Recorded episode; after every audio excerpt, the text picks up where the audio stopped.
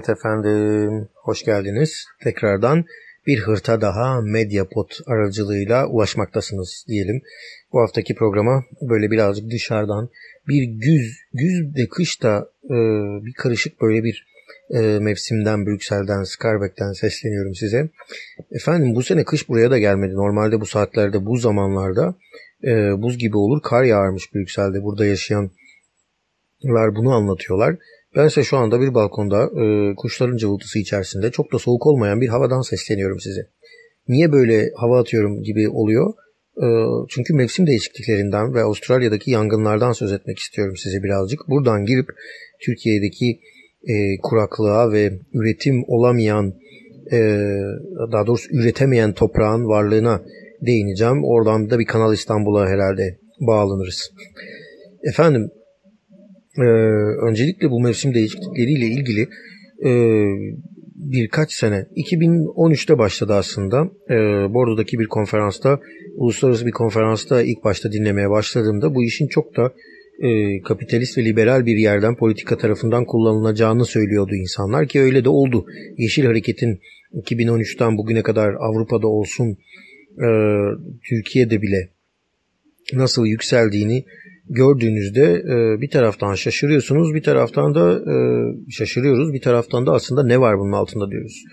E, Thunberg'in, örneğin Greta'nın e, varlığı ortaya çıkışı bir taraftan sorgulanırken yani evet genç nesil artık çevre kirliliği ve çevre üzerinden daha daha değerli, daha daha da nasıl söyleyeyim duyarlı bir gençlik yetişirken e, bir taraftan da aslında Facebook e, fotolarıyla bu çevre duyarlılığını gösteren bir gençlik üzerinden bir nesil üzerinden konuşuyoruz. Yani Greta'nın bundan iki hafta kadar önce Avrupa'da Almanya'da bir Deutsche yani hızlı trende ki fotoğrafını paylaştığında birinci hemen birinci mevkide yolculuk ediyorsun Greta bunu da söyleseydin ya e, şeklindeki eleştiriler aslında insanların e, gerçek hayatın dışında sosyal medyadaki varlığına e, daha önem vermeye başladığını görüyor. Yani Avustralya'daki yangın için dünyanın dört bir yanından kalkıp yangını söndürmeye gitmek yerine bugüne kadar Facebook'ta toplanan yangın için Avustralya'ya gönderilen yardım 15 milyon doları bulmuş durumda şu anda biz bunları konuşurken e, düşünebiliyor musunuz? Yani biz tamam 15 milyon göndermeyelim demiyoruz. Ama Avustralya aslında bu 15 milyon dolara ihtiyacı olan bir ülke değil. Avustralya Başbakanı zaten bu yüzden eleştiriliyor e, şu anda. E, çünkü e, aslında bu adam tatildeymiş e, bütün bunlar olurken. Avustralya'nın bir monarşi, e, federatif monarşi e, devleti olduğunu vurgulayayım. İlginç bir ilginç bir bilgi olarak bir başbakan tarafından yönetiliyor e, başbakan tatildeymiş yani yangınlar çıktığında ve aslında elindeki kaynakları düzgün kullanmadığı için eleştiriliyor. Aslında bu yeşil e, hareketin bence e, bugüne kadarki duyarlılığının e, en büyük kaynaklarından biri de bu paranın yanlış şekilde kullanılmasıydı. E, kimden okuduğumu hatırlamıyorum ama e, şunu ah, evet Slavoj Zizek'ten okumuştum.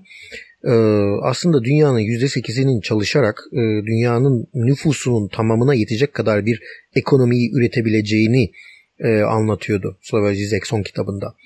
Ee, yani e, düşünebiliyor musunuz? Dünyanın %8'i sadece çalışsa, doğru dürüst bu kaynaklar kullanılırsa kalanına gerek yok çalışmasına. Ama işte sorun burada başlıyor. Kalanı çalışmazsa o insanları nasıl e, meşgul edeceksiniz ki politika yapmasınlar, kendilerini geliştirmesinler. Çünkü politiko yani politikayı elinde tutmaya çalışan bir ne diyeyim bir burjuvazi var diyelim. E, bir ekip, bir grup, bir güruh e, var ve bu insanlara elindeki bu gücü bırakmak istemiyorlar. İşte Avustralya'da olan da bunlar. Yani biz sosyal medyada aktivizm yapıp 15 milyon dolar toplayabiliriz ama bu para yine Avustralya'da e, ada, e, ki başbakanın tatil parası olarak gidebilir. E, dolayısıyla e, bu oluyor. Yani Greta ile ilgili durum da bu. Greta e, ortaya çıktığında mesela ben Greta'nın durumunu birazcık bu Netflix'in Mesih dizisiyle e, özdeşleştiriyorum. Yeni çıktı dizi 1 Ocak itibariyle Netflix önerisi de yapmış olayım. Mesih'i seyredin. Birinci sezonunu ben tamamladım. Birazcık Greta'nın durumuna da benziyor. Yani insanların açlığını birçok şekilde giderebilirsiniz. Bilgi açlığı olabilir, e, dini e, bir e, açlık olabilir, ruhsal bir açlık olabilir. Bunları gidermek için Facebook şu anda bir araç haline geldi. E, işte Zizek de söylüyor. Bir like ettiğinizde zannediyorsunuz ki oradaki e, 500 bin e, hayvanın öldürülmemesi için bir şey yaptınız ama aslında öyle bir şey değil. Ha ben dünyanın bir ucundan ne yapabilirim ki diyebilirsiniz. E, sınır tanımayan gazeteciler, sınır tanımayan doktorlar, hemşireler, e, bu insanlar niye var? Bu insanlar kalkıp oraya gitsin diye var. E siz de onlara katılabilirsiniz ve gidebilirsiniz oraya. Demek kolay sen yaptın mı diyeceksiniz. Hayır yapmadım. Ama mesela eşimle ilgili bu konuda gurur duyuyorum. Mesela Türkiye'de benimle yaşadığı zamanda bile o 6 ay 7 ay içerisinde bile Suriye Savaşı ilk patladığında Caritas'la birlikte sınırda insanlara yardım etmeye gitmişti. 3-4 ay çalıştıktan sonra psikolojisi bozuldu Linda'nın en azından yani kolay değil onu demeye çalışıyorum. Avustralya'ya gidip hayvanlara, Avustralya'ya gidip hayvanlara yardım etmek de kolay bir iş değil. Türkiye'ye gidip o zaman mültecilere yardım etmek de e, kolay değildi. E, ve insanların psikolojisini bozabilir. İşte bu kadar cesaretli olabilmek gerekiyor. Bu e, sonrasında bu şekilde etkilenip e, bunun hayatınıza devam edebileceğiniz bir güç bulmak gerekiyor. E, dolayısıyla sosyal medyanın da etkisi burada e, bence. Sosyal medya hayatımızı bu şekilde kontrol ediyor. Öte yandan bu WhatsApp'ın da Facebook'a geçmesiyle artık hiçbir gizli görüşmemiz, gizli şeyimiz kalmamış durumda. E, her şeyimiz e, kayıt altında. E, bu da çok kötü bir e, mevzu. Neyse buradan Türkiye'ye niye geleceğim? Çünkü Türkiye yıllardan beri topraklarını düzgün kullanamayan tarım toplumu olmasına rağmen bu tarım toplum meselesine de bir ara e, Harari'nin Sapiens kitabına e, atıf yaparak önümüzdeki bölümlerde konuşacağım.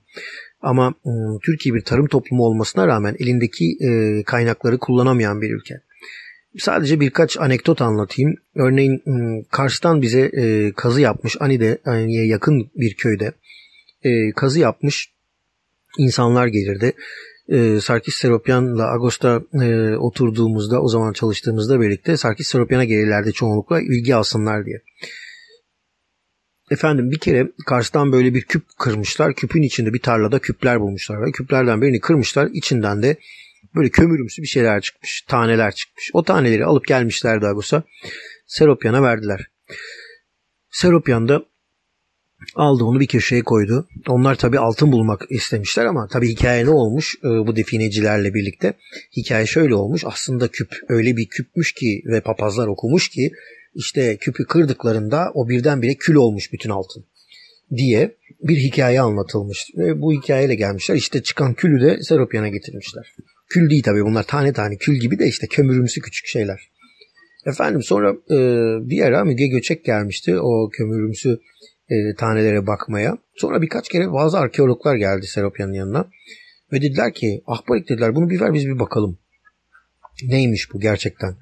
Sonra e, Seropyan bir gün anlatıyordu. O arkeologlar e, kimse ben bilmiyorum tabii Seropyan'la konuşmuşlar. Serkis Seropyan'dan bahsediyorum. Geri aramışlar demişler ki ya bunlar 100 yıllık e, tohumlar. Bunlar küplerin içerisine saklamışlar tohum. E, bunlar buğday tohumu. Ee, ve halen de ekilebilir bir şekilde. Ee, içlerinde böyle siyah e, pirinç e, tohumları da var. Öyle bir şeyler demişler. Bu siyah pirinç meselesi de meşhurdur. Kars'ın siyah pirinci varmış eskiden şimdi yetişmiyor. Yetişebilsin diye e, Birleşmiş Milletler'den e, bütçe talep etmişlerdi 10 sene önce. Kars'ta siyah pirinç yetişti, siyah bulgur yetişecek diye. Şu an Avrupa'nın dört bir yanında e, aslında Kars'ta yetişen bu pirinçler yeniyor. Proteini çok yüksek, insan sağlığına e, yararlı antioksidanlar varmış içinde. E, tabii artık yeti Türkiye'de yetişmiyordu. Birleşmiş Milletler'den fon olarak ancak tekrar ekebildiler. Neyse efendim mevzumuza geri dönelim. O küplerin içerisindeki buğdaylar aslında halen ekilebilir, yenilebilir durumdaymış. Düşünebiliyor musunuz adamlar Ermeni köyünde bir tarlanın içerisinde küplere bu buğday tanelerini gömmüşler. Asıl hazine bu yani zaten ve 100 sene dayanmış.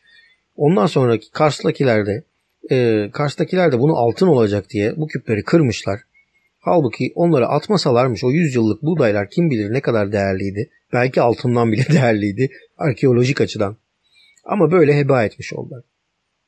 E bunun gibi toprağın değerini bilmeyen ıı, bir ülke yetiştirdik. Çünkü toprağını eken biçen insanları hep zarar verdik. e, zarar verdi Türkiye. Ne zaman ekmek istesen gitti.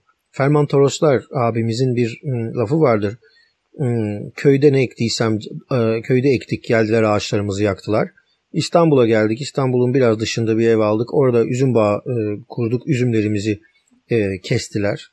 Komşular da rahat bırakmadı işte Türkiye'dekiler. Onun fabrikasını da yakmışlardı Ferman abinin İstanbul'da. Sonra da kalktı Amerika'ya gittik kızının yanına. Evlendi kızı. Ferman abi orada Facebook'tan fotoğraflar gönderirdi arada. E, nasıl da üzüm bağlarını e, Amerika'da yetiştiriyor diye e, Türkiye'de yapamadığı. E, bu toprak meselesi çok önemli. Toprak kaymaları ile ilgili çok fazla kayıpları ile ilgili de toprak kayıpları ile ilgili de Türkiye'de çok fazla araştırma var.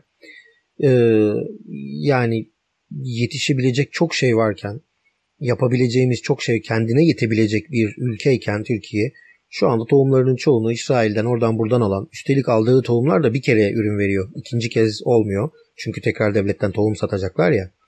E, o tohumu satarlarsa, satmazlarsa devlet para kazanamaz. E, ziraatçıya kredi veremez. Kredi verip ziraatçıyı borçlandıramaz daha doğrusu. Sürekli insanları borçlandırmak üzere bir e, sistemde tabii ki toprağın da değeri azalıyor. E tabii ki İstanbul'un da ortasından bir kanal geçirilebiliyor. E, ve o kanalı kestikten sonra e, İstanbul'u böldüklerinde zannedecekler ki o oluyor bu oluyor. Bakın havalimanına e, e, uçaklar inemiyor İstanbul'da. İnsanlar şikayet ediyorlar saatlerce beklemekten.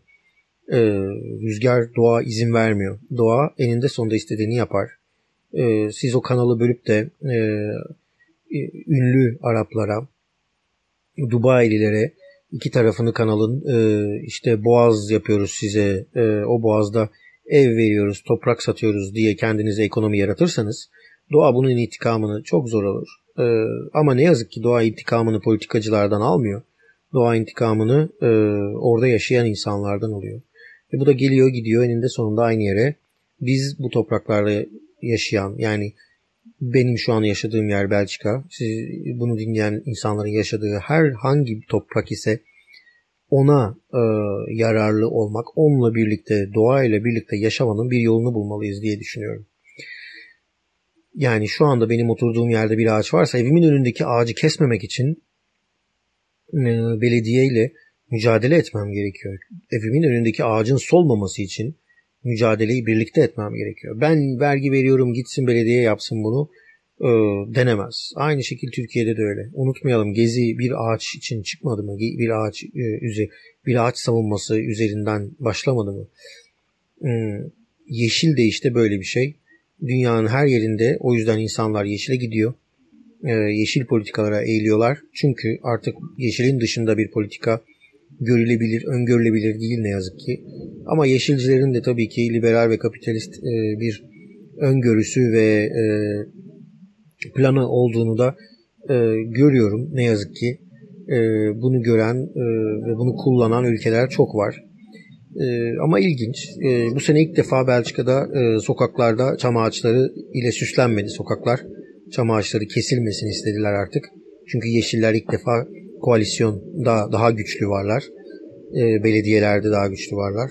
Umarım ıı, doğamızın değerini biliriz ve e, doğayla birlikte yaşamamız gerektiğini bir kez daha öğreniriz diyelim. E, bu hafta biraz yeşil yeşil oldu. Bak yeşil yeşil diyelim. Tamamlayalım bu haftayı.